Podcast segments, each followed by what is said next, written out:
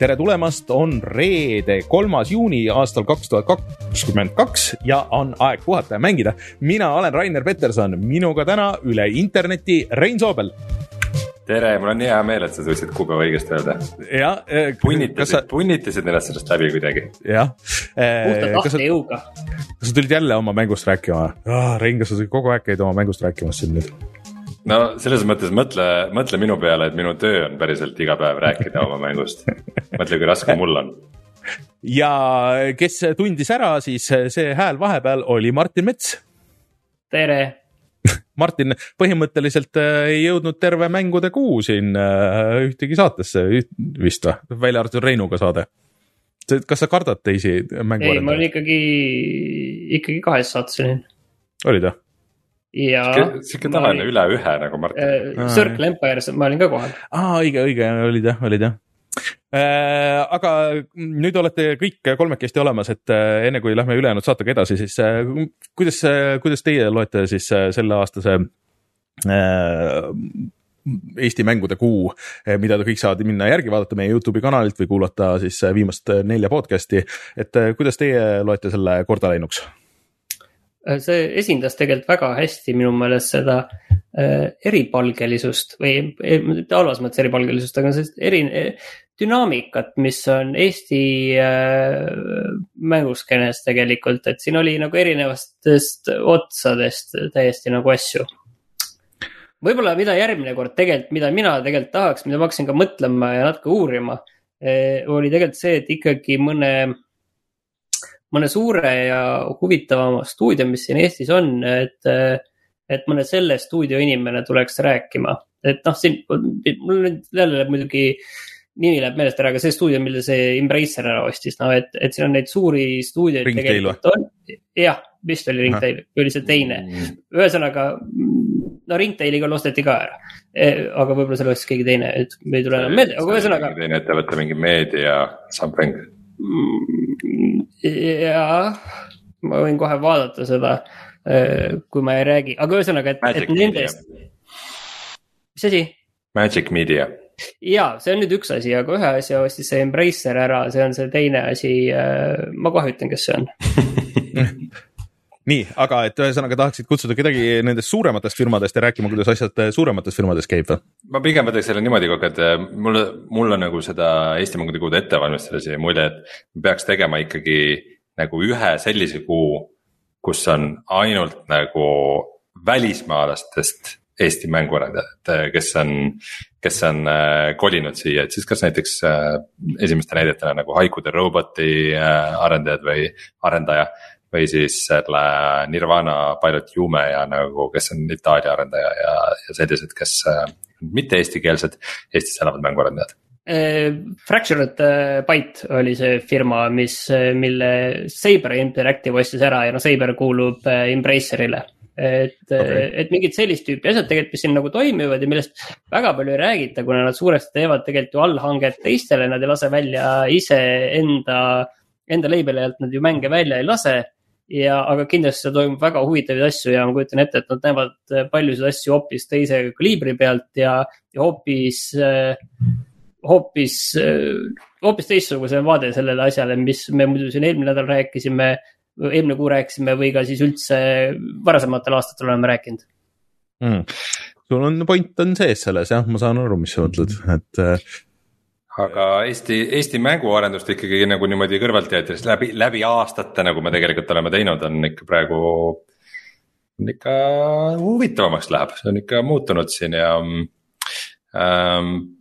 ma just räägin selle ka ära, täna just äh, oli üks üritus, et üks äh, väike delegatsioon äh, Jaapanist äh, mm., investorid tulid siis tutvuma Eesti Eesti mänguarendusskeenega ja, ja kohtusime nendega seal äh, CM-i ehk siis endise Creative Mobile'i kontoris ja tuli seal päris arvestatav grupp koos ja jäi täitsa sihuke mulje, et nagu. ongi mingi sihuke tore nihuke mänguarendus, mänguarendajate kommuun ja asjad liiguvad ja toimuvad ja arenevad ja täitsa nagu hea tunne oli see on cool. Ja noh, nagu ma olen aru saanud, siis varsti on jah, veel mingisuguseid asju tulemas, aga, aga et korra mainime siia siis ikkagi ära, et selle, et, et Geeniuses oli päris hea intervjuu selle noh, nüüd läks nimi meelest. Jaan Tallinnaga. Jaan Tallinnaga just, kes äh, tegi siis äh, Skype'i, aga äh, noh, see Skype'i jutt tuli seal hiljem, et alguses ta rääkis pikalt sellest mänguarendusest üheksakümnendatel siin Eestis ja see oli, see oli päris hea lugemine, nii et minge vaadake, see on, peaks olema Geeniuse seal kuskil esilehel. see oli tõesti et, huvitav, ma, ma muidugi imestasin seda, ma ei tea, võib-olla ma olen sellest rääkinud ja mul on lihtsalt nagu ühest kõrvast sisse läinud ja teisest välja. aga et mis, et neil oli üheksakümnendate lõpus ka mingisugune mäng ja, ja, ja see ja. tegelikult oligi, tegelikult räägiti ju lahti kõik see, et, et miks äh, miks nad üldse lõpetasid tegelikult mängudega sisuliselt, äh, et see kogu selle mis selle nimi oli nüüd, Interactive Magic, ei, Interactive. Interactive Magic läks pankrotti. jah, ja tegelikult see tõmbaski kogu asjale vee peale, aga samas noh, kogu need lood on ju, kuidas äh, Cosmonaut tehti, kuidas Skyroads tehti, et päris, päris äge, et minu meelest oli ju nagu asju, millest varem ei ole tegelikult nagu päris niiviisi räägitudki. jah, ja üheksakümmend kahe aastal, äh, üheksakümmend kaheksa aastal tuli neil siis mäng Thunder Brigade ja ma praegu juba otsisin, keegi on kaks tuhat viisteist teinud isegi sellest äh, mingisuguse gameplay video, ma vaatan, et äh, vot selle peaks meelde jätma äh,. peaks üritama selle. Te ka ei teadnud seda varem või? ei, ma teadsin, ma teadsin. ei, mina teadsin küll jah, ma teadsin, et selle tehti järge ka, ma tahtsin, et see on neil ju ja... Blue lehel üleval kõik jah, ja see on isegi GameSpotis oli review, said mingi kuus punkti või midagi, aga et selles suhtes, et, et see oli nagu suhteliselt ambi-, ambitsioonikas nagu selles mõttes äh, oma aja kohta et äh, et oli ikkagi nagu 3D ja igasugused siuksed asjad, et. Äh, aga, aga tore oli see, et vanasel ajal ikkagi need probleemid olid samad, mis eelmise, eel-, mis, äh, mis on praegu, et sellised asjad, et et vau wow,, me teeme teiega lepingu kohe järgmise aasta peale ka, sest te olite meie portfoolios ainuke stuudio, kes sai mängu õigeks ajaks valmis, kui nad ütlesid ka, et nad saavad valmis, et et see on suhteliselt sama, sama asi tegelikult äh, oli äh, meil just ju selle Circle Empire'i saates, kui Mihkel käis, oli täpselt sama asi, et see on mingi Eesti värk vist. et see, sihuke kohusetunne on nii kõva, et. tuim, tuimad kohusetundlikud tüübid lihtsalt. et, et, et kui lubame, siis ikka teeme ära sai ju lubatud. Äh, aga ühesõnaga, kui midagi jäi kuulmata, siis minge kuulake viimased saated üle ja siis ütleme siis kohe siia ära ka, enne kui Patreoni juurde lähme, siis et viimane viimane video läks ka üles, mis on siis äh, Artist Life simulaatorist. ja siis äh, ma seal demon Reinule, et seda väga äh, ütleme siis äh, high concept äh, sihuke, see on sihuke mäng, mida väga raske seletada, et kui ma nüüd, Rein, kuidas, kuidas sina selle sõnadeks paneks, kui, kui ei ole, keegi ei ole veel videot näinud? Ma, no selles mõttes mulle tundub, et see sõna kaardimäng on see, mis segadusse ajab, et noh, et jah, et seal on küll kaardid mm, -hmm. aga põhimõtteliselt see on manageerimismäng. et kuidas üks sihuke nälgiv kunstnik peab manageerima oma aega ja raha ja kirge ja emotsioone, et, et jääda ellu see on tegelikult äh, käigupõhine mäng, mille käigud on erineva pikkusega ja paralleelselt käivad mitmed käigud ja tegevused ja need tegevused on erineva pikkusega ja need pead jah, neid lihtsalt haldama, et see lõpptulemus sinu jaoks positiivne oleks, aga noh, seal seda üllatus random momenti on, ma olen natuke mänginud. seda üllatus random momenti on ka muidugi, et aa, okei okay,, siit tuli nüüd niiviisi, et panid need kaks head asja kokku ja, ja, ja tulemuseks oli mingi väga halb asi Edvin Aedmaa kommenteeris, üks mängu loojatest siis, või siis peadisainer äh, kommenteeris meil seal video all, et noh, et, et ilmselgelt me saime surma sellepärast, et, et me oleks pidanud kasutama siis mitut käiku nagu korraga või, või nagu panema mitu asja. tegevust samal ajal tegema yeah.. et aga, aga eriti kui üritad rääkida ja näidata seda kõike, siis see on natuke keeruline, et me see paar korda tegime ka seda, aga, aga tegelikult ilmselt peaks nagu rohkem optimeerima. aa, sa tegelikult teadsid seda või? ma teadsin, ma teadsin. Ma enda arust äh, tegin seal mingi hetk seda, aga võib-olla see oli ka mu esimeses playthrough's. et ähm, aga ma natuke lugesin neid Steam'i arvustusi ka ja siis seal kõik kurdavad seda, et, et mingist hetkest mäng läheb nagu ikkagi väga raskeks, et sa pead nagu hästi täpselt või noh ähm, kui sa tahad mingisse teatud punkti nagu jõuda, siis seal on nagu väga kitsas see rada, et äh, need, neid mm. asju, mida sa pead tegema. aga noh, teisest küljest see on äh, early access, see mäng ei ole veel sada protsenti valmis, aga, aga ka igatahes see kontseptsioon on väga huvitav. see, selle keerulise asja nad on päris hästi ära teostanud, et, et seal videos ma räägin ka, et mõned asjad, mis mind ikkagi nagu natuke häirivad ja mis ma loodan, et nad äh, kuidagi, kuidagi tuunivad edasi mis äh, aga nagu äge, äge on see, et, et ta on ikkagi täitsa nagu unikaalne asi. et ja. Äh, sellist teist asja nagu kohe on päris keeruline ongi nagu võrdlust tuua äh, võrreldakse Cultist Life Simulatoriga mitte ainult meie Youtube'i kommentaarides, vaid ka mujal on sellest kuulnud, mida mm mida me ju keegi pole mänginud, et, et mingeid sarnaseid mänge on, aga. mulle igatahes see, mis ma videos nägin, avaldas väga muljet ja täiesti pani minu radarile selle Artist mm. Life Simulator, et peaks seda proovima küll. Ja tegelikult mulle see, see meeldis ka seal videos, et äh, ei tulnud nagu välja, et mulle tundub, et see üks round äh,. isegi kui sa oled nagu suhteliselt edukas, et see ei ole vist nagu liiga väga pikk, et ma arvan, et, et äh, isegi kui sa selle puu lõpuni ennast arendad, noh, ma arvan, et see on mingi maksimum mingi tund või paar maksimum nagu igatpidi, et, et, et sa ei küta sinna nagu väga pikalt. ei tea, kuidas sellist tüüpi mänge nimetatakse, jah. no ta ei ole päris rogu-like ju et selles suhtes, et, et sul ei jää ju mingit progressiooni nagu otseselt sellest, et see on ikkagi. Rogu-like nagu, ei peagi jah. siis ta on rogu-like. põhine no jaa, aga sul ei ole genereeritud seda. oota, sa tead, et sa ei unlock'i mitte midagi juurde, kui sa. mina saan aru, et sa, sa saad lihtsalt need erinevad äh, lõpud ja sa saad, sa täidad lihtsalt oma seda nii-öelda kompendiumi mm., et sa. mina, mina sain ka nii aru, et, et. Edwin, that's your problem right here progressioon, tänapäeva mängijad tahavad progressiooni, muidu, muidu ei nõustu mängima mängu. see okay, ei aga... ole, see ei ole tänapäeval mingi argument teeme siis kohustuslikud asjad veel siia. Äh, ehk siis meie Patreon, suured tänud meie Patreoni toetajatele ikka veel. Pat, pat, pat, Patreon. just, äh, Taavi, jutlustaja X, Clyde, Feilissi, GameCAN, Randroid ja Kalevus. Need toome veel eraldi välja ja siis otse loomulikult kõik teised, kes meid on aegade jooksul toetanud ja siis olge valmis lähipäevadel loodetavasti uus pakk mänge läheb üles ja, ja isegi noh, mis veel jagamata on, on väga palju ja selles, mis nüüd üles läheb, seal on näiteks see Command and Conquer'i äh, remaster ja, ja midagi veel, sihuke päris mitu päris suurt mängu, nii et, et olge valmis, üks hetk ma viskan selle üles ja siis äh, kõik saavad tasuta mänge äh,. ja patreon.com, kaldkriips vaate mangida, leiate need asjad Youtube'ist me juba rääkisime, Youtube.com, kaldkriips vaata mängida, minge siis vaadake Artist Light Simulatorit, järgmise nädala video on ka juba soolas. Äh, nii et äh, järgmine teisipäev uus mänguvideo veel. Äh, ja siis, millest me täna uudistes räägime? räägime Sony event'ist, mida veel ei ole olnud, mis meil on siis E3-e asemel see aasta, siis uuest Jedi Fallen Orderi mängust, mis on siis nagu välja tuleb Jedi seeria ja Rein on siis äh, rääki-, mänginud äh, Song of Conquest'i siis seda. Songs, Songs. Songs of Conquest või? minu meelest nüüd oli küll ikkagi hmm.. Kontrollime järgi uh,, sul on õigus uh,, mis on siis kõige lähedasem uus mäng Heroes of Might and Magic kolmele, nii et Eesti kuulajatele peaks väga huvi pakkuma. aga tuleme siis kohe tagasi ja räägime nendel teemadel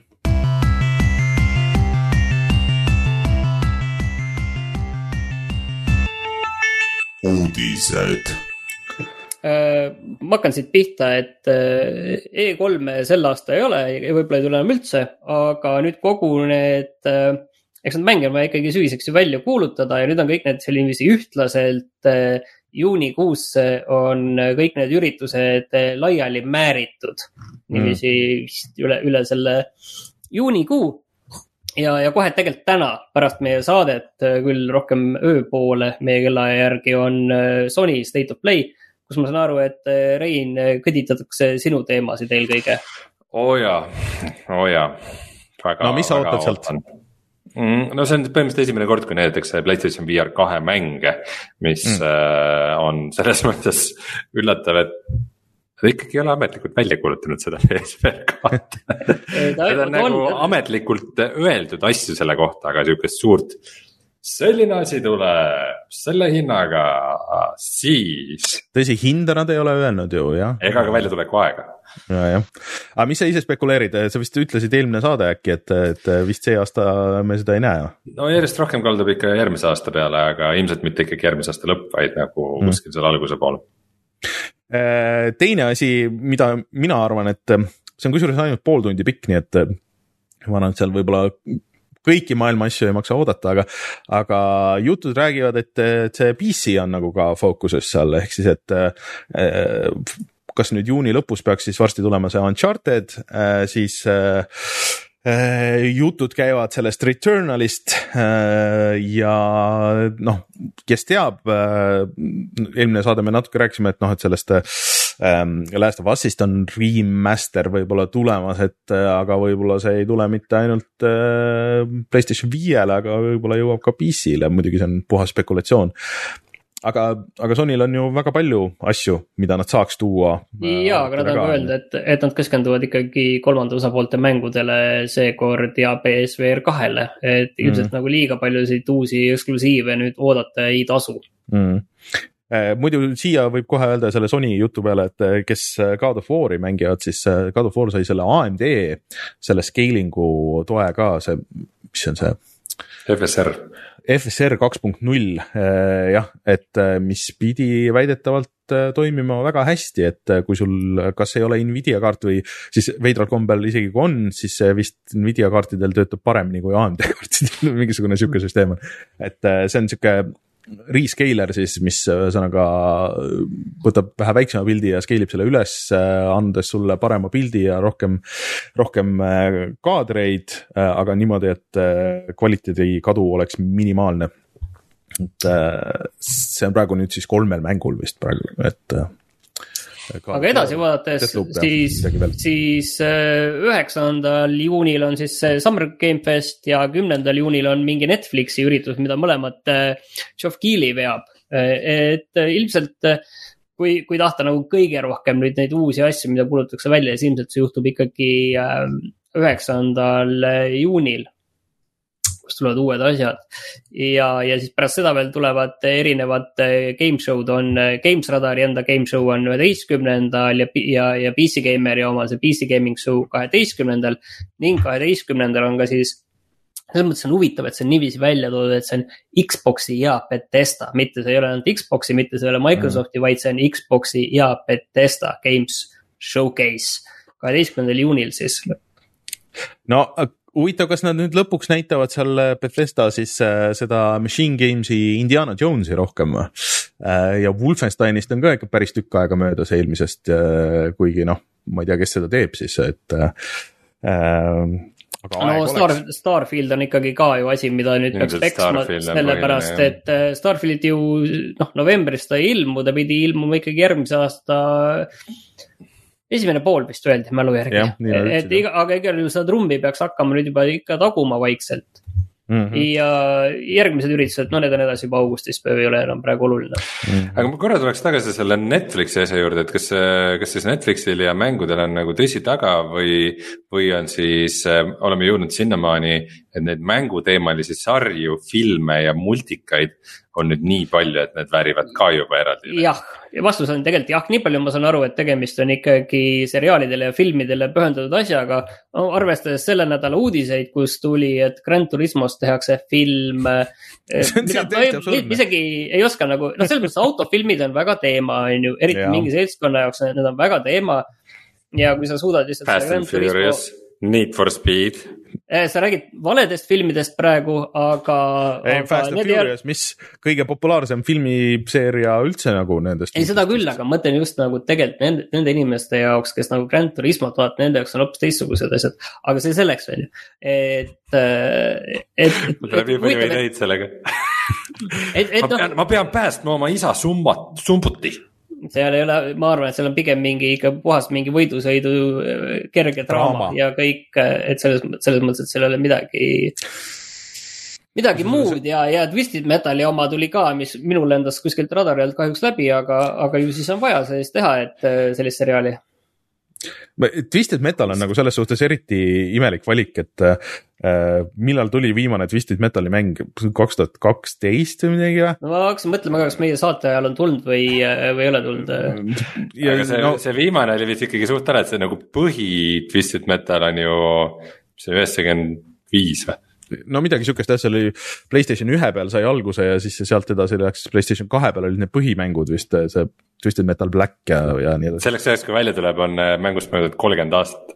no enam-vähem jah, et aga, aga... ma ei tea, kas see on relevantne lihtsalt tänapäeval jah noh, jah, keegi tundus, et äh, saab IP odavalt ja, ja saame nagu selle asja kokku leppida ja, ja, ja proovime, sest nii paljud teised proovivad, et äkki jääb seina külge kinni see märk. no siis, siis on ports neid animesid veel äh, väga mitmel äh, mänguseerial ja siis on see Last of Us'i seriaal peaks varsti tulema, et noh, ma saan aru, et neil rääkida on, aga tegelikult Netflixi tegelikult nad teevad ju mänge ka, et neil on need mobiilimängud, mida sa saad selles Netflixi äpis mängida.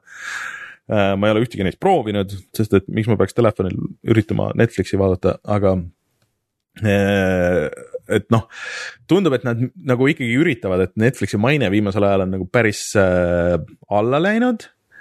Äh, et nad peavad nagu kuidagi nagu tõstma oma prestiiži, aga mina ei tea, kas see mängud ja mänguseriaalid just on nagu see, et nüüd viimati nad ütlesid ka, et kuulge, et äh, sellega, et noh, nagu see äh,. mis oli see Irishman ja et noh, anti kuulsatele režissööridele vabad käed mingi ports raha, tehke, mis tahate.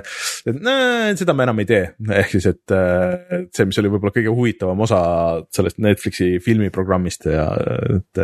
ega nad häid sarju ka enam ammu ei tee. No ei tea, ma vaatasin uut Stranger Things'i ja esimene osa oli väga paljulubav, muidugi see on põhimõtteliselt iga osa on üks väike film, tund kakskümmend pikk, nii et see on ikkagi päris sihuke, sihuke ettevõtmine selle vaatamine Stranger Things on nagu, nagu, nagu viimane sari veel, mis, mis mul meenub Netflixiga seoses. ei tea, Ozark siin just äh, lõppes ära, aga noh, see oligi nagu täitsa lõpp ja siis. aga ma pole äh, ka muidugi sarjainimene. Teine osa, teine hooaeg Russian Dolly, äh, mis on väga äge seriaal, esimene hooaeg mulle väga-väga meeldis mm. -hmm. nii et aga eks need uued hitid tulevadki rohkem mängumaailmast, et äh, räägitakse sellest V-Rising ust, et see on uus tore mäng ja jah, Martin, räägi korra, sina panid selle siia, et räägi, mis see, mis on V-Rising ja miks, miks me sellest rääkima peame? Ma saan aru lihtsalt, et tegemist on uue Valheimiga, mis lihtsalt on vampiiriteemaline ja, ja kus sa oled vampiir ja ehitad endale asju ja möllad ja. ja põhimõtteliselt see on see, et sa oled nagu halb, sa mängid halba. et hmm., et see, see on nagu vist ka üks selline selline Dungeon Keeperi stiilis selline, selline twist sellel asjal Äh, ma saan aru, et tegu on, äh, kuskil seal on mingi online PVP. Ja, aga, aga samas ma saan aru, et see on loopõhine ka midagi seal ja avatud maailm, et üsna selline segane asi, aga see on väga-väga lendu läinud. Steam'i tabelites möllab kõige müüdum mäng väga-väga palju mängijaid. et see on kindlasti nagu asi, millest. no kes me peaksime loen... üht-teist midagi teadma, kõlab asi, mida Rein hakkab mängima, et. Rein, ma loen sulle siit ühe lause, mis mulle jäi silma ja mis äh, võib-olla võiks äh, sulle äh, meeltmööda olla, et. The experience of playing V-Rising is much more like playing an action role playing game like Diablo with a huge base building and crafting element added to it. Rein, nüüd no., nüüd sa võid reageerida sellele Valheimil ma vaatan, on all time peak on napilt alla viiesaja, viiesaja tuhande mängija korraga et V-Risingul on äh, sada viiskümmend tuhat, et äh, no päris sama kategooria numbrid ei ole, aga halvad ka mitte jah. no tee on, tee on sinnapoole siiski, et äh, ta tuli välja, tuli mäng nüüd kaks nädalat tagasi, et natuke veel minna, aga ilmselgelt on noh, early access'i mäng muidugi ka. kakskümmend eurot hm.. aga. no eks no., eks vampiirid meile kõigile ju meeldivad, tead noh. aga ühesõnaga, see on see on asi, millel tasub silma peal hoida. kusjuures see aasta on ikkagi hämmastavalt palju vampiirimänge, need äh, Bloodlines'i, The Masquerade'i maailmas toimuvad asjad ja. ikka mängumaailmas on nagu teema see vampirism. rääkides Diablost, siis see Diablo oota, mis selle nimi on? Immortal. Immortal tuli ju nüüd ka lõpuks välja ja äh, ma ei tea, ma ei ole nagu otseselt halba midagi kuulnud, et keegi väga ütleks, et see on uh, the worst, välja arvatud uh, mõned pay to win elemendid seal sees äh,. aga et vist nagu rohkem Diablo kolme sisuliselt ma ei tea, kas see on, kelle jaoks on hea, kelle jaoks on halb, Reinu jaoks vist pigem halb. minu jaoks on see halb jah, aga no ma ei tea, ma installisin ta oma telefoni praegu ära, võib-olla korra panen käima.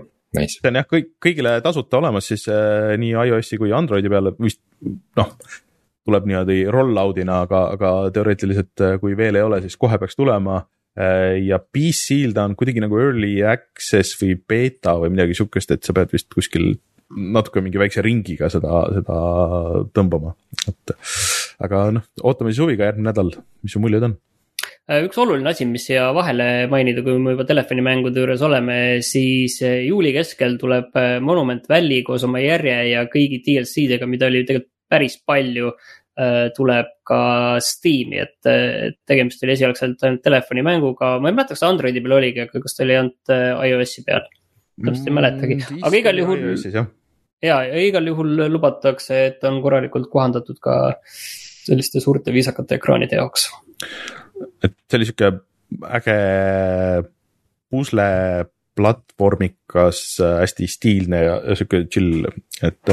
perspektiiviga mängimine mm. -hmm, just jaa, pange wishlist'i aga ilmselt kõige suurem mängu-uudis nüüd viimase nädala jooksul on siis see, et äh, Star Warsi mäng, mida tegi Respawn äh,, Jedi Fallen Order, sai äh,, saab siis järje äh, järgmisel aastal. Playstation viiele äh,, Xbox Series X, X, XS-ile ja PC-le äh,. Minul on esimene, esimene küsimus on kohe see, mis kuradi värk selle nimega on kui ta enne oli nagu Jedi Fallen Order, siis, siis kas nagu seeria nimi oli siis Jedi, et sest, et uue ja. mängu nimi on Star Wars Jedi Survivor. nii on, sa oled õigesti aru saanud. see, see uh, läheb kuidagi sama puseriti nagu see Middle Earthi teema, et nagu, et kõik tundsid seda kui Mordori mängu. aga tegelikult Mordor oli ainult esimese osa pealkiri mm aga mina olen pigem elevil, sest et mulle esimene osa väga meeldis. Äh,, tegin selle läbi. Äh, ja minu meelest selle juures on päris äh, hea uudis see, et see nüüd ei tule äh, Playstation nelja ja Xbox'i peale, originaal Xbox One'i peale, tähendab siis või, sinna äh, aga ilmselt et... me hakkamegi nägema, et kaks tuhat kakskümmend kolm on ikkagi see aasta siis, kus see nihe toimub et mingi teine mäng oli ka, mis kuulutati just välja äkki eelmine nädal, aga ma ei mäleta, mis see oli, mis, mis oli ka ainult uuele generatsioonile, et, et noh siiski nagu, kui keegi väga tahab seda mängida, ma ei imestaks, kui seda striimides saab teha nii Xbox'il kui, kui Playstation neljal on ju, aga, aga. kui telefonil kui telefonil jah, selles mõttes küll. Äh, aga, aga et äh, siis vähemalt tehnoloogia ei hoia neid enam nii palju tagasi, et äh, sealt võib tulla midagi ägedat. aga see on üks, üks ka ainukesi Star Warsi asju viimaste aastate jooksul, mis mus nagu mingisugust elevust tekitab, sest et äh, see on jälle on mingid uued seriaalid, asjad, sihuke suht ükskõik juba nendest, või liiga palju, et ma ei viitsi, aga, aga see, kuna see esimene mänguna oli just oli hea, siis ta võib olla ka Star Wars nii, aga äh, täiesti teisel teemal, ma saan aru, et Steam Decki kohta oli jälle üks positiivne uudis. no niivõrd-kuivõrd või noh, sihuke väike asi, et äh, siin inimesed saavad järjest äh, oma Steam Decki kätte, kes varem tellisid, aga Äh, siis sinna juurde, Steam Decki juurde käis ka dok, et sa võid, võisid siis selle dok'i panna ja siis dok'i ühendada ekraaniga. põhimõtteliselt said switch'i teha, aga see dok äkki äh, ei näe niipea, äh, ehk siis äh, see lükati hetkel edasi mingisugusesse tulevikku, et minu meelest sellel veel õiget kuupäeva ei ole. aga minu, aga see vist ei takista siiski ekraanide lisamist, et sa saad ikkagi nagu otse sinna Steam Decki külge ka panna, aga sa pead ise siis mingisuguse pikenduse sinna vaatama. et see ei ole see switch'i süsteem, et, et kui sul official doc'i ei ole, siis, siis on väga keeruline aga jah, et ametlikku dokki niipea ei tule äh, mida veel ei tule, on siis äh, Eurotrack Simulator kahe äh, Venemaa ekspansiooni. jah, ma arvan, et see on tegelikult isegi noh, sest Eurotrack on ikkagi megalt populaarne, et me vist nagu natuke alahindame seda, kui, kui populaarne see on mingites skenedes ja see Venemaa DLC pidi vist tulema sellel aastal. Äh, ja isegi suhteliselt natuke pärast vist siis äh, sõja algust. ja siis see lükati edasi ja nüüd siis pandi lõplikult cancel'isse, sest et äh, noh, situatsioon on jätkuvalt nii, nagu ta on ja mis siis järgmine piirkond saab olema, seda, seda hetkel vist ka ei tea mm see SCS, kes seda teeb, kui ma, mul mälu ei peta, siis tegemist oli Tšehhi firmaga. midagi sihukest jah, et nüüd kuskilt äh, Ida-Euroopast nad olid. käisid minuga ju ka Tallinnat pildistamas. jah mm., mul selle teemaga seoses tuligi, tuligi meelde. sest ma kunagi rääkisin just ka seal ühe inimesega sellel samal teemal, aga see selleks, äh, nii äh, Mm, vahepeal tegelikult kuulutati välja väga palju Warhammerit, aga ma ei tea, isegi, isegi Reinul see vist eh, ei kõiguta need mängud, mis sealt tulid, sealt tuli see Warhammer. meil ei ole kunagi vist liiga palju Warhammeri teemas eh, olnud ja Rein on sinna kõige lähemal olnud, aga. aga ma ikka ei ütleks, ma ei ütleks, et ma ikkagi kunagi sellest väga teemast sees olen no,, mulle, mulle nagu see art meeldib alati neil või noh, see üldine Warhammeri stiil ja ma olen mänginud mingeid mänge, aga ma pole jah no kõik tea, on, kui, kui suur, kui suur see Warhammeri kommuun ikka Eestis on? palju on sa tead inimesi, kes oh,. tegelikult, tegelikult nagu on, aga. kujukesi, kujukesi maalivad. on, on, on, on. ei, see on teema Eestis või? ei, ei, ei, see on tegelikult olemas, aga, aga ma arvan, et sellises mainstream'is kõik need mängud, et need ei ole, need ei ole isegi, ma arvan, et enamik inimesi, kes selles Warhammeri teemas väga on, siis, siis ma ei kujuta ette, kas need mängud neile isegi, kas me siin välja kuulutati, väga korda lähevad, et Space Marine kaks on, on ju no Rainer tahab, nägu on selline, et tahab väga vastu vaielda. ei, ei, ma tahtsin lihtsalt selle, enne saate algust rääkisime boomer shooter itest ja siis see Warhammer nelikümmend tuhat Boltgun on, see on reaalselt, see on täpselt see, mida ma pidasin silmas äh, rääkides äh, boomer shooter'ist, et sellel on äh, väike treiler on ka, et kuidas keegi kolides avastab kastist oma Warhammeri need kujukesed ja siis äh, avastab disketi Boltconiga, mis siis näeb välja nagu äh, sisuliselt Quake üks või, või. Äh, no pigem nagu Doom üks, pigem nagu Doom üks. ei, ta on ikka 3D nagu rohkem. ta, need mudelid on ikka nagu, nagu 3D-s aga okei okay,, see mäng nagu mänguks, aga selles mõttes see, see treiler mulle kahjuks seda mm. küll nagu maha ei müü nagu mitte see üldse, et see tundub selline suhteliselt selline selline noh, vaata need 3D shooter'id, need on ikka ikkagi erinevad ja see on ikkagi selline nagu äh, nagu selline mindless tundub mm. see nagu täiesti olema selline lihtsalt vajuta ja sihi ja jookse ringi tüüpi asi mm., et Doom kindlasti seda ei olnud Warhammer muidugi viimastel aastatel on küll täiesti kvantiteedi ja mitte kvaliteedi peale läinud, et neid mänge tundub lihtsalt mega palju. aga ma hakkasin praegu mõtlema seoses sellega, et ütlesid, et mina olen nagu rohkem Warhammeri teemas. Kurat, ma olen tegelikult ikka päris palju Warhammeri mänge mänginud mõlemad Vermintide'id, isegi mängisin seda MMO-d, see Warhammer Online äh,. siis üks strateegiamäng oli see Mark of Chaos äh,. seda esimest Space Marine'i ma olen mänginud äh,, Dawn of War üks, kaks, isegi kolme proovisin korra. ikka tegelikult okei okay, olen küll aga mitte no, viimastel aastatel.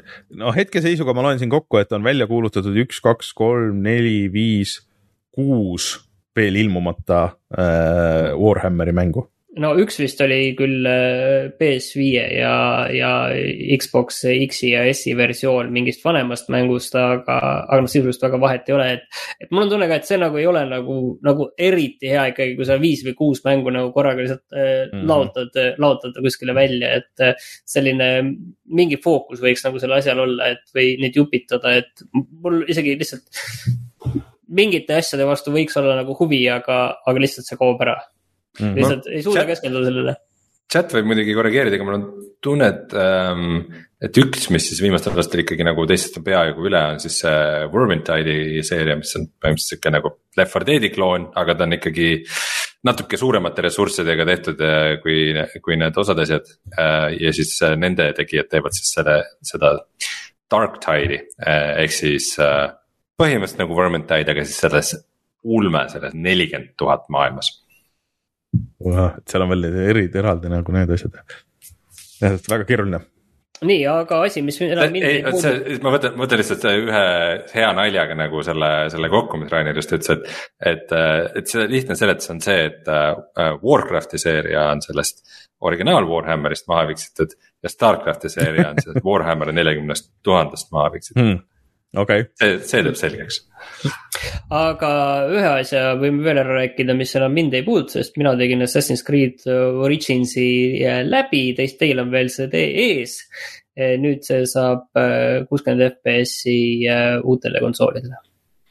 jah, ja see on nüüd saab olema ka, ma ei tea, kas ta juba on või siis kohe tuleb Gamepassi äh,. nii et äh, kõik, kes seda enne ei olnud mänginud, siis saavad seda teha palju parema kvaliteediga, et äh,.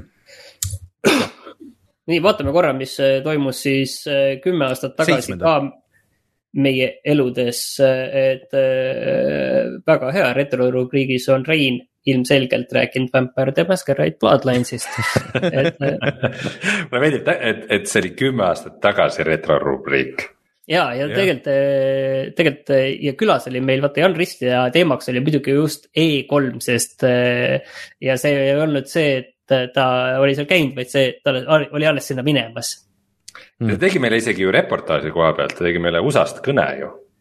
see oli ju esimene oli jah, oli jah, oli vist, vist küll jah kas ta isegi kaks aastat ei teinud või? mine tea, keegi ja ei siis... tea ma olen äh, mänginud edasi Max Payne kolme, et siin on äh, käimas see Max Payne'i. Äh, see, see, ärme sellest rohkem räägi. ärme seda maini jah, sest muidu me saame seda rääkida nagu siin igas viimases kui saates tegelikult. jah, siis kümne aasta pärast saab keegi vaadata, et kuidas Peits mängis üks aasta lihtsalt kolm kuud järjest mängis Elden Ringi, et, et see suht, suht sama vibe. ja kümme aastat tagasi me rääkisime siis ka Doom kolm BFG edition'ist et Doom kolm oli ka juba tollel ajal vana mäng. kusjuures, kusjuures äh, ma üks päev äh, kunagi mm,, võib-olla nüüd viimase aasta jooksul millalgi proovisin seda mängida, sest selles, äh, selles BFG edition'is oli siis üks uus äh, hunnik leveleid on ju ja proovisin neid mängida. jah, üks eraldi väike kampaania, võib-olla mingi kaheksa taset või midagi sellist, kümme äkki enam ei mäleta veits nagu kehv hakkas seda mängida, midagi oli nagu valesti, mingi säte oli kuskil nagu valesti ja ma seda esimest äh, levelit kuskil poole peale mängisin ja kuidagi üldse kuidagi füüsiliselt halb et mitte, et mul oleks midagi olnud vastu, mis seal nagu mängus toimus, kõik tundus nagu, tundus nagu okei okay,, aga kuidagi nagu üldse kuidagi. ma tean, mida sa, mida sa tunned, ma mängisin seda Switch'i peal äh,. millalgi, kui need tulid, siis see oli väga odav, ma ei tea, kas see oli mingi viiekas maksis või midagi siukest. ja ma mängisin ka selle noh, nagu põhikampaania mingi esimese leveli vist läbi. seal see kontroll on jah, et seal on kas see, see head bob või, või midagi on nagu hästi imelik nagu mitte tänapäevane nagu selles mõttes, et, et kuidas sa oled harjunud shooter'it mängima või kuidagi see, see kaamera kontroll käib siukse väikse delay'ga või mingisugune asi seal on, mis on äh, väga häiriv selle jaoks. jah, uudist... üldiselt mul ei ole neid probleeme tavaliselt, aga, aga sellega nagu ja, ja kohe oli nagu tunda algusest peale, et mõtlesin, et okei okay,, et äkki läheb üle, no ei läinud aga huvit-, huvitav oli uudistes veel, et me rääkisime, et kuidas äh, Brothers in Arms äh, Furious Four edasi lükati see oli mäng, mis lõpuks cancel dati ära, see vahetati nimi ära, seal vahetati vist see kunstiline stiil ära. Äh, ja siis äh, põhimõtteliselt surigi ära põhimõtteliselt kogu Brothers in Arms'i seeria, mis mingi hetk oli väga hinnatud ja, ja Gearbox'i mingisugune sihuke prestiiž seeria. et väga huvitav, et keegi ei ole proovinud seda tagasi tuua. ja, ja, aga, aga toome nüüd Home3 tagasi ja tuleme siis kohe tagasi ja räägime sellest, mis me mänginud oleme.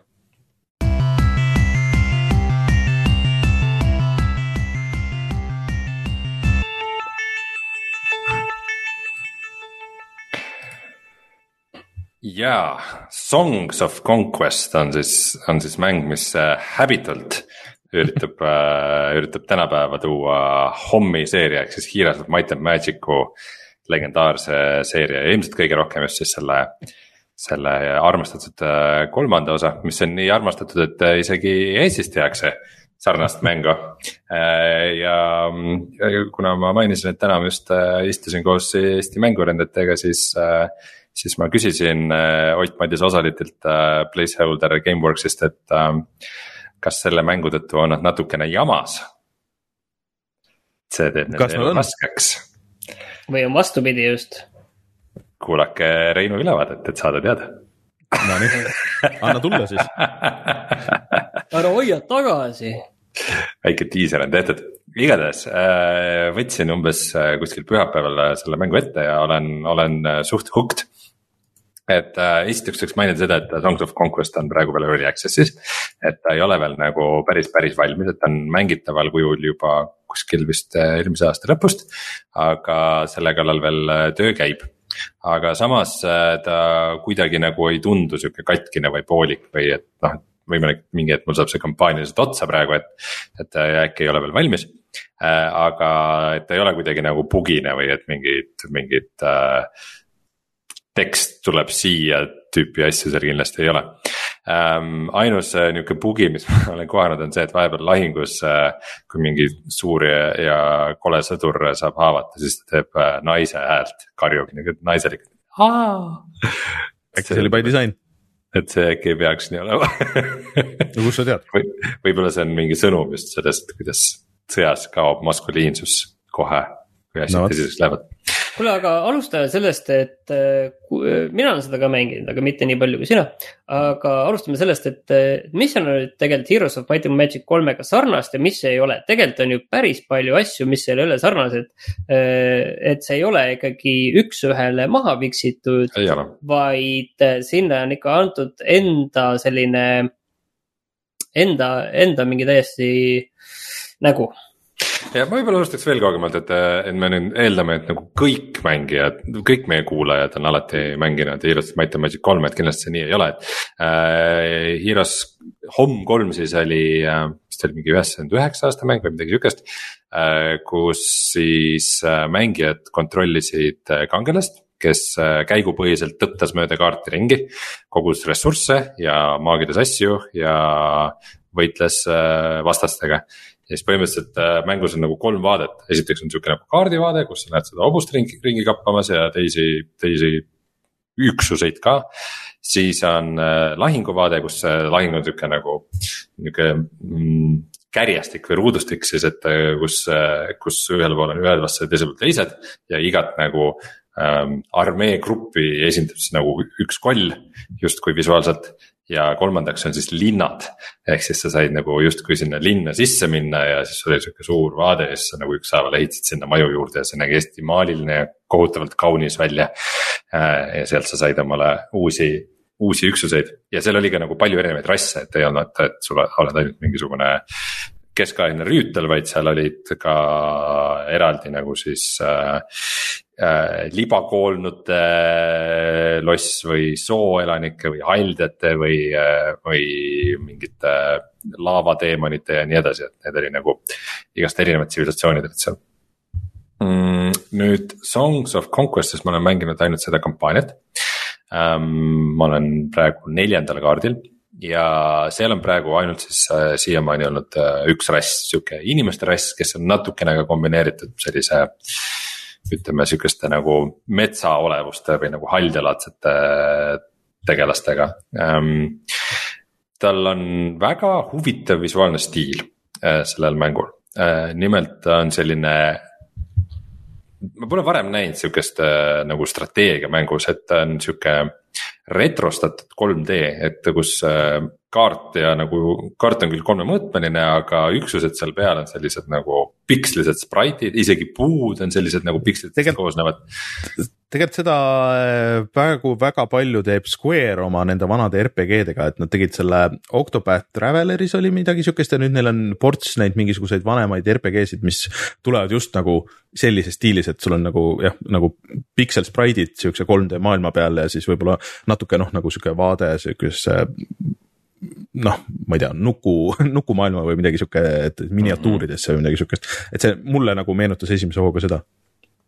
jah, mulle, mulle iseenesest see stiil kuidagi väga meeldib, võib-olla okei okay,, võib-olla nagu alguses treilerist ta meeldis mulle rohkem, et nagu mängides ta võib-olla mingi hetk võib-olla läheb natuke tüütuks ähm,. huvitaval kombel, kui sul on lahing, siis viimane löök, kui nagu viimane vastane või siis sinu üksus sureb äh,, siis on sihuke nagu kaamera läheb hästi lähedale ja siis on nagu aeg luubis kuidas see viimane sõdur sureb. ja siis kuidagi laguneb see stiil laiali, siis on näha, et ta on sihuke tegelikult ikka nagu 3D ja sihuke nagu üsna nagu käsitsi animeeritud või kuidagi ei tööta. pluss mõnes kohas vaata, kus see piksli stiiliga ei ole mindud päris sügavuti, et nagu näiteks vesi ei ole nagu selles stiilis, vesi on sihuke nagu Warcraft kolme vesi, selline, selline üsna nihuke puine Tead- 3D. tead, mulle üks asi ei meeldi, et mul on tegelikult see mäng päris lahti siin ees, et äh, mulle, mulle ei meeldi see, kuidas need tegelased, kes mööda kaarti ringi käivad, seekord nad käivad, ei ole hobuseid, kuidas nad välja näevad, et nad on hästi sellised kuidagi iseloomutud ja hästi segaselt arusaadavad ja üksteisest üsna halvasti eristatavad sinu, kui sul võivad olla erinevad need kangelased või seal nimetatakse neid, olid viilderid, on ju. jah, jah, et äh, keevitajad. Keevitajad jah et, et need on üsna raskesti üksteisest tegelikult eristatavad ja sa ei näe, et aa, see on mu see põhikangelane, põhihiiro, no ikka oli põhihiiro ja siis oli see varuhiiro ja siis oli varuhiiro, varuhiiro. et, et seal pidi süsteem tulema ja siis vaat, keda sa ehit-, on ju boost'id ja, ja kes, kes lihtsalt on logistik sulle ja, ja nii edasi, on ju. et hästi halb on aru saada, et mul on ka siin kaks kangelast on nagu ees ja, ja kumb see, kumb nüüd on, oi, pean kogu aeg tegelikult lihtsalt valima, ei saagi aru, see, see on üks väheseid etteheiteid, mis mul on. mulle meeldib see, et tegelikult kui seda vaadata, siis hästi ägedalt saab sisse zoom ida ja välja zoom ida, et mitte, et seda nii väga oleks vaja teha, aga see on lihtsalt äge. aga, aga ta tõesti nagu ta võtab justkui selle vana Home3 stiili ja nagu äratab ta ellu ja teeb ruumiliseks, et see, see on küll äh, õnnestunud, aga sinu selle kangelaste kriitikaga ma olen täitsa nõus. aga muidu mulle nagu nende kollide ja tegelaste disain väga meeldib, nad on niuksed väga, väga siuksed, neil on väga palju nagu karakterit ja ja nad on siuksed äh,, igaüks on niuke omapärane ja visuaalselt eristav, et see, see osa on väga lahe ähm,. aga rääkides siis nagu gameplay'st endast, et siis seal story's on see, et sul on jah, siis on nagu üks põhi sihuke story tegelane, kellega sa tõttad ringi äh, ja, ja siis tuleb sul neid lisategelasi mm,. Äh, kaks suurt erinevust äh, nüüd nagu Heroes kolmega, mis äh, kohe hakkavad silma, on esiteks see, et Heroes kolmes oli sihuke nagu see nädalate süsteem. ehk siis kõik linnad või, või muud mingisugused kohad kaardil, kus sa said omale uusi üksusi, et siis iga kord, kui möödus seitse päeva, algas uus nädal, siis nad nagu tootsid äh, uusi tüüpe ja siis oli see, et kes nüüd nädala alguses esimesena jõuab sealt nagu nad ära osta või. või, või sa kogud raha nagu selleks, et sul esmaspäeval oleks äh, hea hunnik pappi, et saaksid, saaksid minna linna ja need tüübid kõik nagu omale armeesse tõsta äh,. et äh, sellist nädalate süsteemi ei ole, et äh, põhimõtteliselt nad nagu pidevalt tilguvad, et, et siis, kui lähed, siis saad, sellega on nagu okei okay.. mis, ma ei tea, mis päris nagu hardcore'i inimestele ei meeldi, aga, aga no põhimõtteliselt jah, minu meelest, minu jaoks on see okei okay,, sest et muidu on see, et sa teed lihtsalt neid uusi logistikakangelasi, kellega nagu transportida neid äh, tüüpe ja kuidagi see ei ole nii äge. teine suur asi siis on see, et seda linnavaadet ei ole mis tegelikult on natukene nukker, et sul on seal linnad ja linnaehitus on küll, aga põhimõtteliselt neid linnu sa näed siis kaardi peal ja siis, äh, siis nende ümber sa saad ehitada selliseid neid lisahooneid igasuguseid, et äh, sul on nagu mingid platsikesed vastavalt sellele, mis taseme linn sul on, on sul rohkem suuremaid platsikesi ja siis sinna sa saad äh, neid hooneid ehitada äh, ja ja isegi lõpuks mingid nagu müürid ümber tõmmata sellele kõigele, et seda, et seda paremini kaitsta. Et ähm, noh, üks asi on see, et kas nagu mängitavuse mõttes see on nagu hea idee, et sa pead mingile eraldi, eraldi linnakaardile minema, aga nagu come on, see on ikkagi selle Home3 juures nagu nii suur ja ikooniline asi, et nagu miks nad no no, jaa, aga nad ei tee ju äh, Home3-e. ja ma, mul on tunne ka, et, et tegemist on olnud nagu põhimõttelise valikuga, et me peame nagu midagi oluliselt äh, muutma ja ma, ma ei ole veel ise nagu lõpuni aru saanud, et kuidas mulle see, see kõik see meeldib, et, et ongi, vaata linnad on ka nagu erineva astmega on ju, et selline settlement või, või, või town. paranda mind, kui eksin, ma olen vähe mänginud et, et nad on nagu erinevad ka, et palju sa saad sinna ehitada, kui suuri hooneid, et kas sa saad seda lõpuks upgrade suuremaks, ma täpselt ei teagi.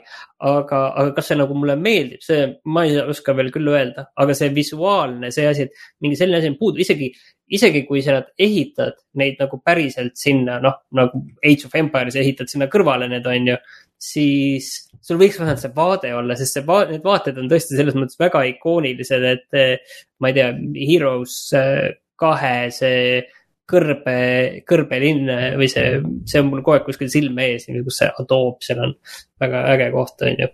et mm, -hmm. et sellest on nagu jah kahju, et ta on just selline, isegi kui noh, sa saaksid seda mängitavust muuta, aga see vaade võiks sul olemas olla, et sa võid ka niipidi seda muidugi vaadata. aga samas, kui see vaade oleks olemas, siis kõik muidugi teeksid seda selle kaudu, et siin on see häda, on ju.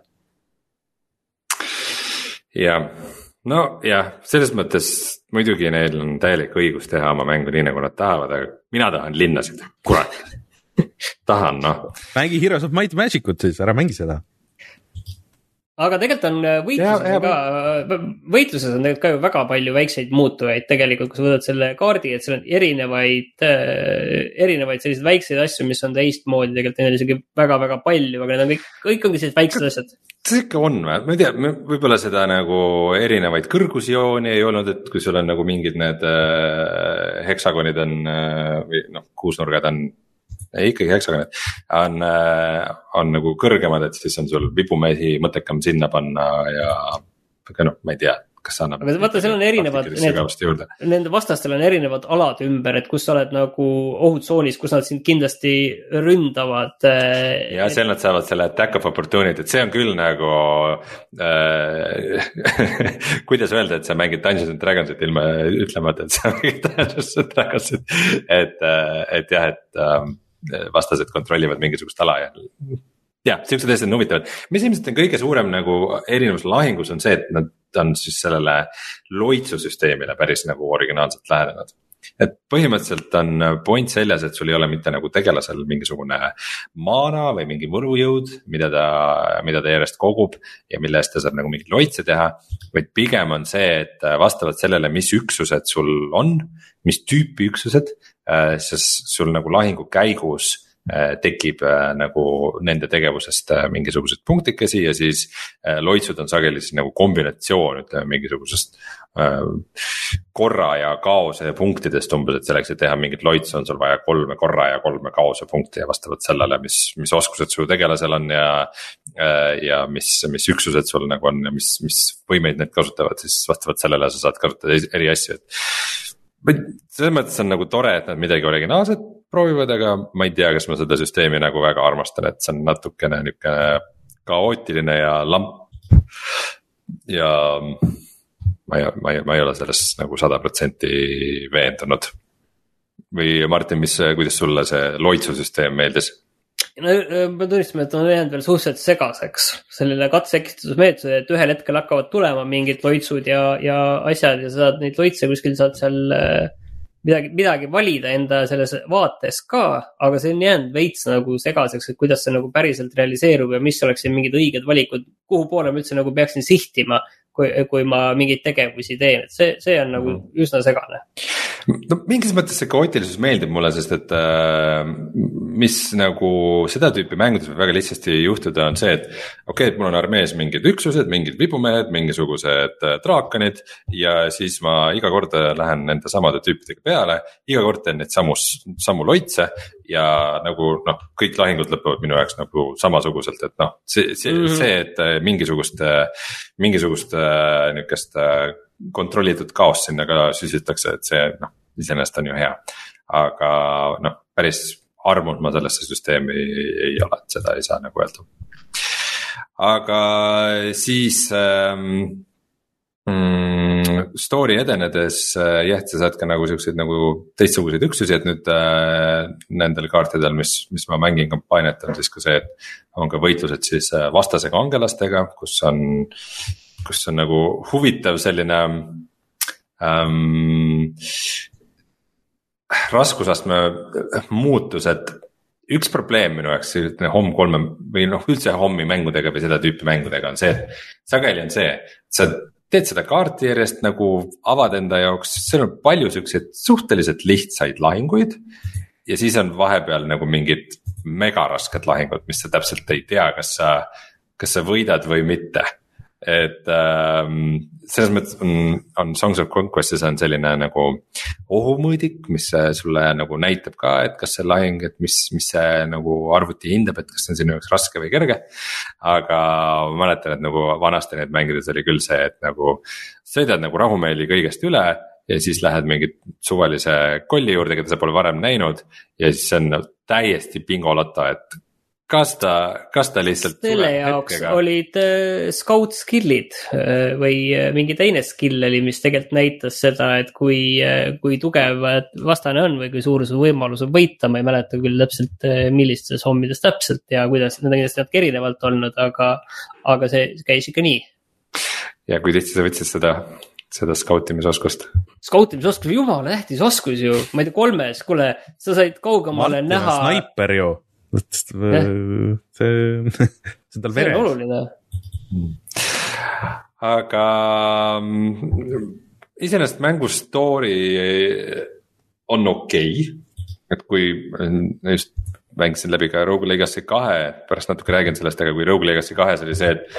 nagu kui story äh, tekstid olid, siis ma pigem nagu hästi ruttu lihtsalt klikkisin läbi ja ei viitsinud lugeda seda jama.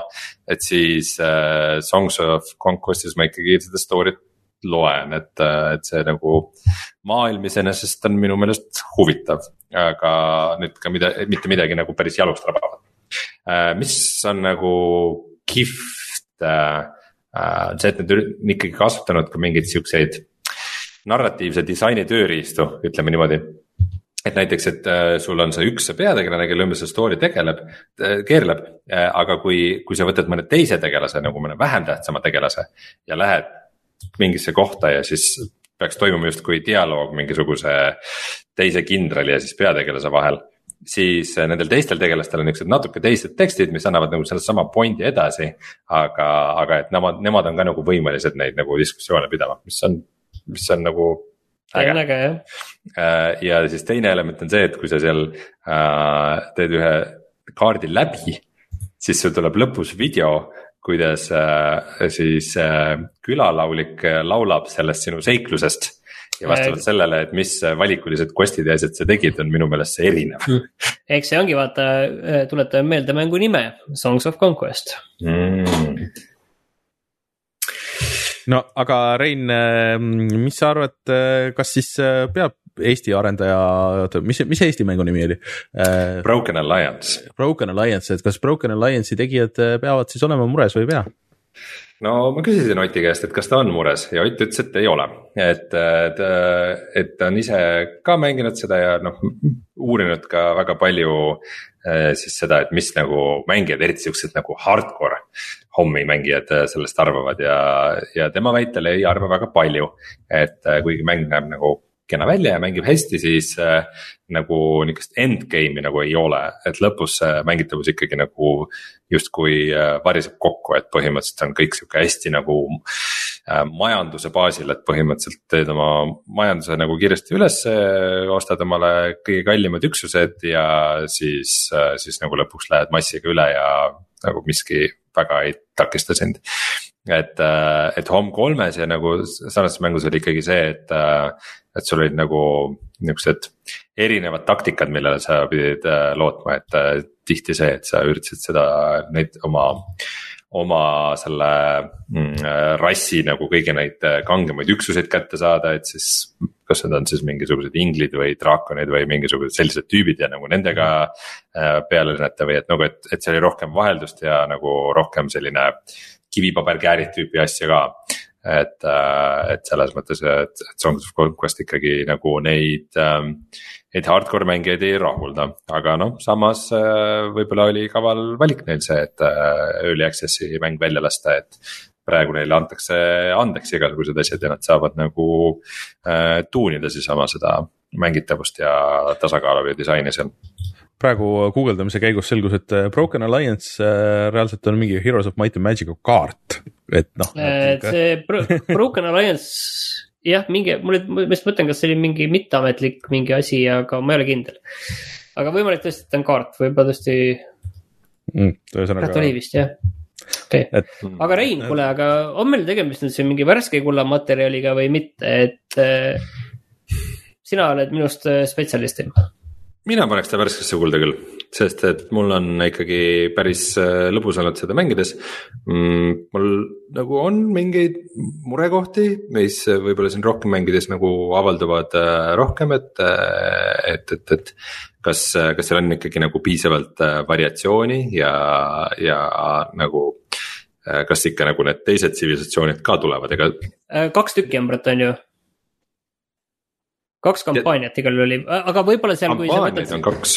aga võib-olla. Äh, kaks, aga tegelikult mulle tuleb meelde, ma lugesin kuskilt, et oli vist neli, neli asja okay.. et sul on nagu need inimesed, siis on libakoolnud, siis on äh,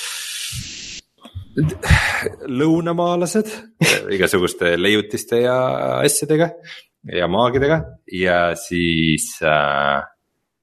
kes seal veel oli, soo, sootegelased vist ka et äh, loodetavasti tuleb juurde, neli on ikkagi natukene vähem. aga, aga siiamaani on siiski suhteliselt lõbus olnud, et ähm, äh, peab midagi ütlema ka heli kohta, nimelt et. noh, Heroes of Might and Magic kolme ja noh, samas ka nelja äh, nagu see muusika on ka väga-väga-väga lege, nendes mängudes tõesti hea muusika. ja Songs of Conquest'il on okei okay muusika midagi nagu ei häiri, ta on nagu tore, aga kindlasti mitte nii lege kui nagu mm. nendes vanades hommimängudes. aga mida ma olen nagu eriti nautinud äh, endalegi üllatuseks, on äh, helimiks. nimelt äh, selliseid mingisuguseid passina, passiseid tümiseid, tüminaid ja mingeid lõrinaid ja võbinaid ja asju on nagu hullult palju ja lahedalt ja see on nagu igast siuksed asjad toimuvad, et näiteks äh, ühed üksused, kelle ma just sain nagu endale ka lahingusse, on siuksed nagu mingid suured sarvilised tüübid. ja kui nad nagu lahinguväljal saadad kuhugi, siis nad lihtsalt astuvad niuksed suured mütakad. tempa, tempa, tempa, tempa. ja siis nad lõrisevad enne kui nad löövad ja see nagu kõrvaklappidega on nagu wow, sihuke kohe nagu need tüübid on küll karmid tüübid, et sellised, sellised momendid on, äh, on täitsa sees, et ma, ma ei mäleta, millal nagu mängu sihuke helimiks minu jaoks kuidagi eriti oleks läbi tulnud, Hades'es võib-olla, äh, aga, aga väärib tähelepanu. Hmm.. Äh, panin juba siis sellesse värskesse kulda ära. Aga räägi siis kohe Rogue Legacy'st ka, et sul on see nüüd läbi ja mis siis lõppmuljed on? Ja vaatasin, mingi viiskümmend tundi on mul kulunud siis, et äh, Rogue Legacy kaks läbi teha. Äh, tegu on siis niukse multikiliku graafikaga rogu-like mänguga.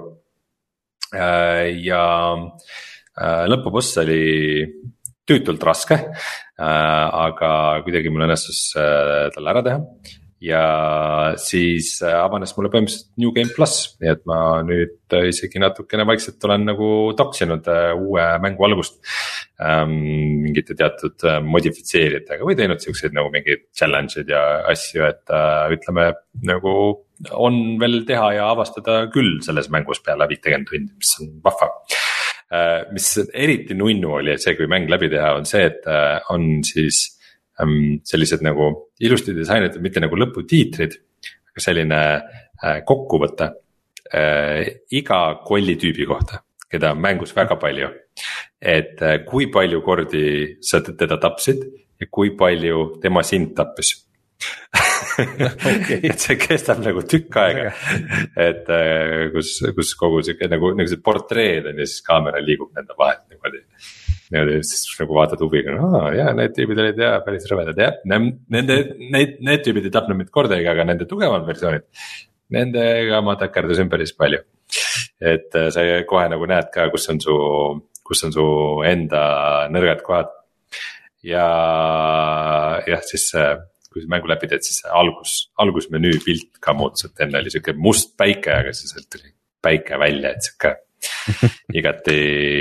Läheb aina helgemaks ja sinu lossi progress nagu jääb sul alles selles New Game plussis, et kõik, kõik see, mis sa oma nii-öelda nagu lossi ehk siis oma oskused oled ehitanud mm, -hmm. et see on kõik alles äh,. lihtsalt okay. siis äh, seda nagu kaardi progressi ja boss'e nagu hakkad uuesti äh, maha võtma okay.. mis ei tundu nagu tohutult raske, aga mm, Rogue Legacy kaks äh, ma olen ikkagi selles mõttes väga üllatunud, et mul nagu alguses mulle tundus veidikene, et selle mängu nagu visuaalne stiil ega mängitavus ei tõmba mind.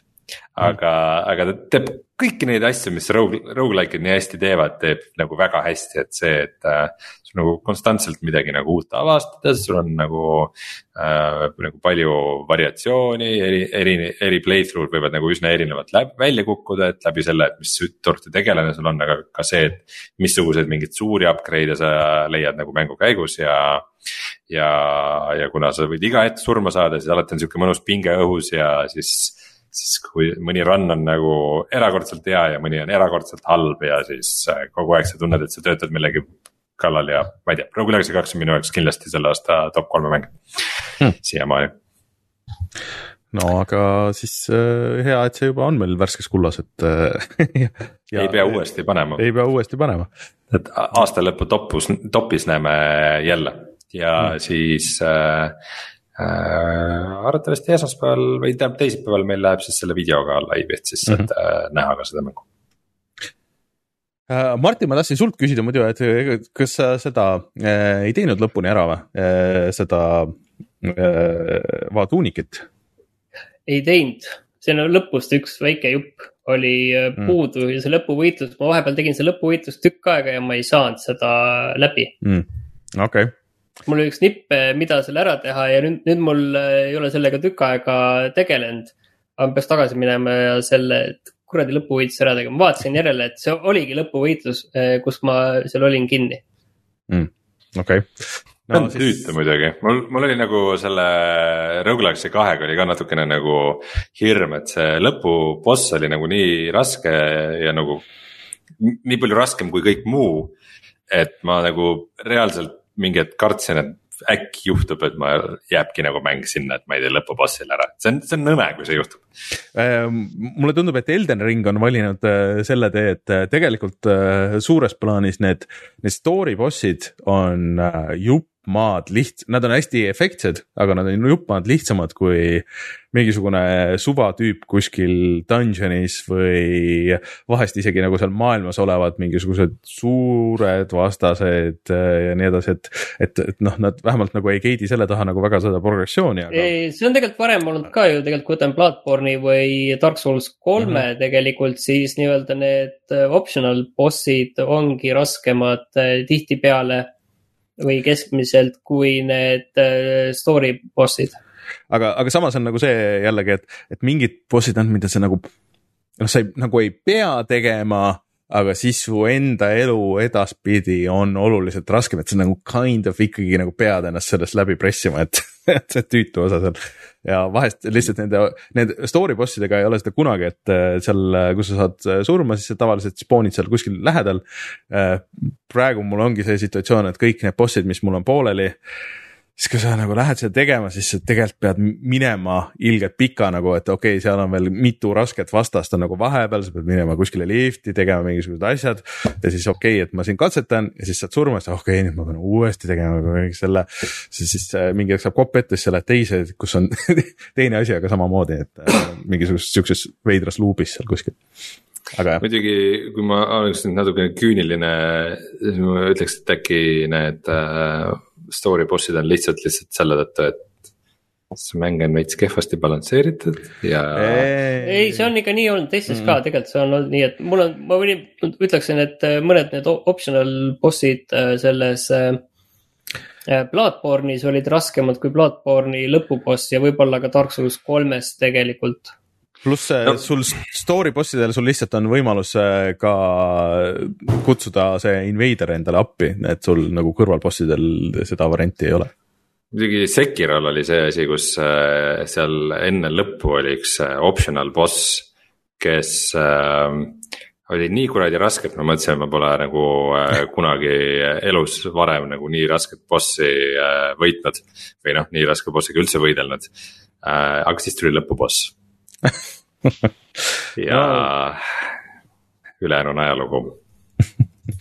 Äh, aga, aga selles mõttes, et äh, ma rohkem ei räägi sellest, ma olen sellest veits rääkinud juba aga Martin, on sul veel midagi, mis sa tahad visata? tegelikult ei ole, et äh, väga palju erinevaid äh, asju olen tegelikult teinud. Grand Turismo seitset ja niiviisi nokkinud siit ja sealt ja Faster than Light'i tegin kolme erineva laevaga läbi ja, ja nokitsen seda-sealt ja Rein juba tahab rääkida, aga, aga ei ole enam aega, saade hakkab läbi saama. kuidas on võimalik, et sa ei ole kunagi Faster than Light'i läbi teinud, nagu mis asja? see ei ole no,. ei, olen küll, olen, olen teinud, olen teinud. see ei ole nii. ma mängisin kogu aeg hardiga ei mänginud, ära valeta mulle.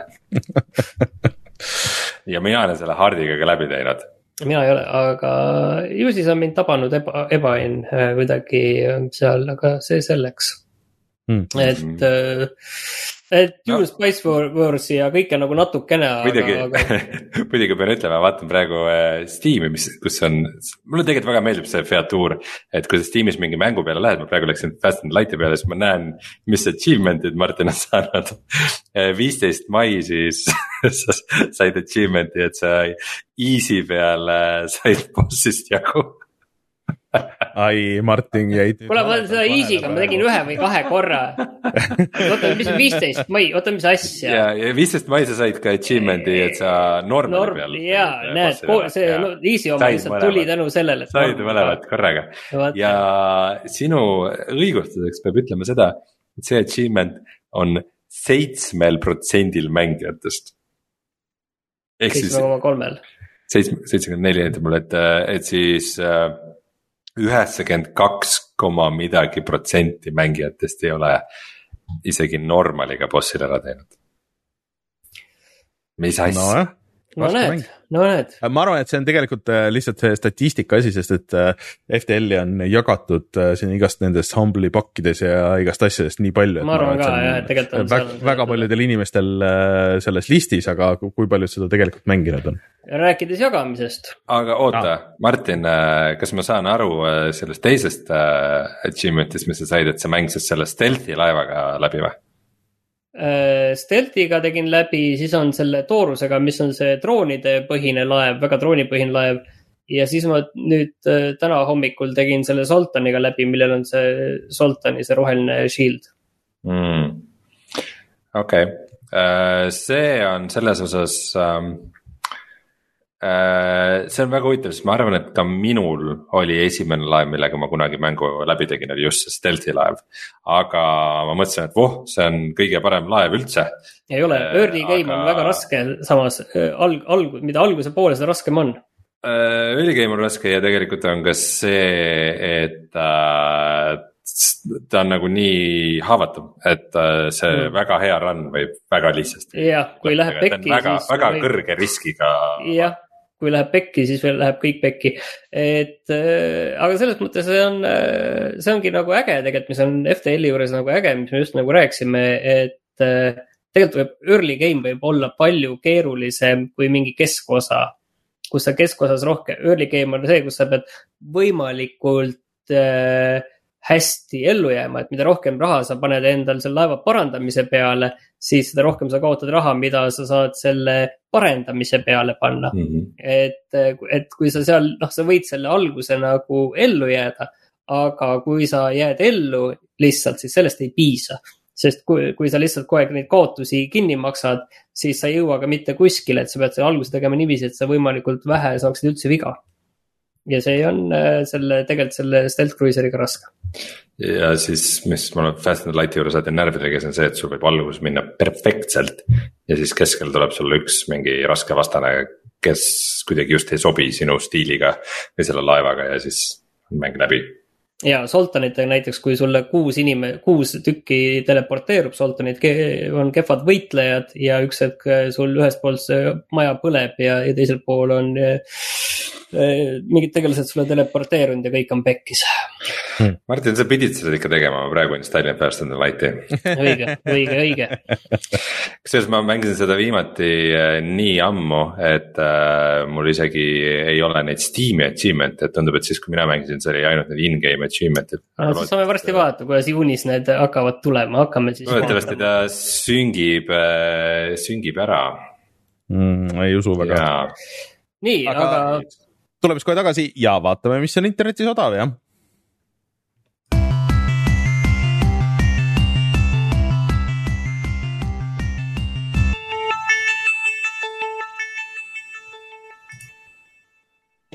No Epiku mäng on äh, ka juba väljas ja see on, äh, sobib meie tänase jutuga ja see on Wolfenstein äh, The New Order. et siis esimene nendest uue kooli Wolfensteinidest. uue kooli Wolfensteinidest, et hmm. kas see on nüüd väike vihje sellele, mida me siin äh, näeme? ja, et need alati, alati tasub neid asju sellise pilguga vaadata, et need mängud, mis äh, juuni alguses kuskil tasuta jagatakse, et kas tuletatakse meelde vanu mm -hmm. häid mänge, et uus osa on tulemas mm,. Tell me why on ka tasuta praegu vist igal pool, see on siis Don't Node'i valikutepõhine seiklus, me oleme seda ka varem soovitanud, aga nüüd on kõik osad praegu tasuta hmm,. okei okay. mm. -hmm muidugi, mis on huvitav see Wolfensteini puhul on see, et kas see nagu vihjab mingile Epicu ja Bethesda mingile teemale või? ei pruugi olla yeah. tegelikult üldse, et Bethesda on ikkagi ju äh, Microsofti majas seal suhteliselt kindlalt ja, ja Microsoft siiani ei ole näidanud, et neil Epicuga erilisi diile oleks, et ei usu ka, et nüüd siit järsku see hakkaks pihta ja Gearbox Publisher sale äh, käivad ka, et äh, Rein saab osta Penn and Teller VR-i Steamis siis nelja euroga. Ma ei teadnud, et see sihuke asi isegi olemas oli, sest et Penn and Teller on ju, nad on kunagi, see on siis, kes ei tea, mustkunstnikute paar, kes on no ikka kolmkümmend aastat julgelt on teinud asju. Ja siis neil kunagi oli Sega Äh, siis mega CD mäng või CD, seega CD mäng, mis äh, läks cancel'isse, aga, aga see ikkagi põhimõtteliselt tehti valmis ja sealt on pärit siis Desert Bus, äh, mis on maailma kõige igavam mäng, kus sa reaalajas sõidad siis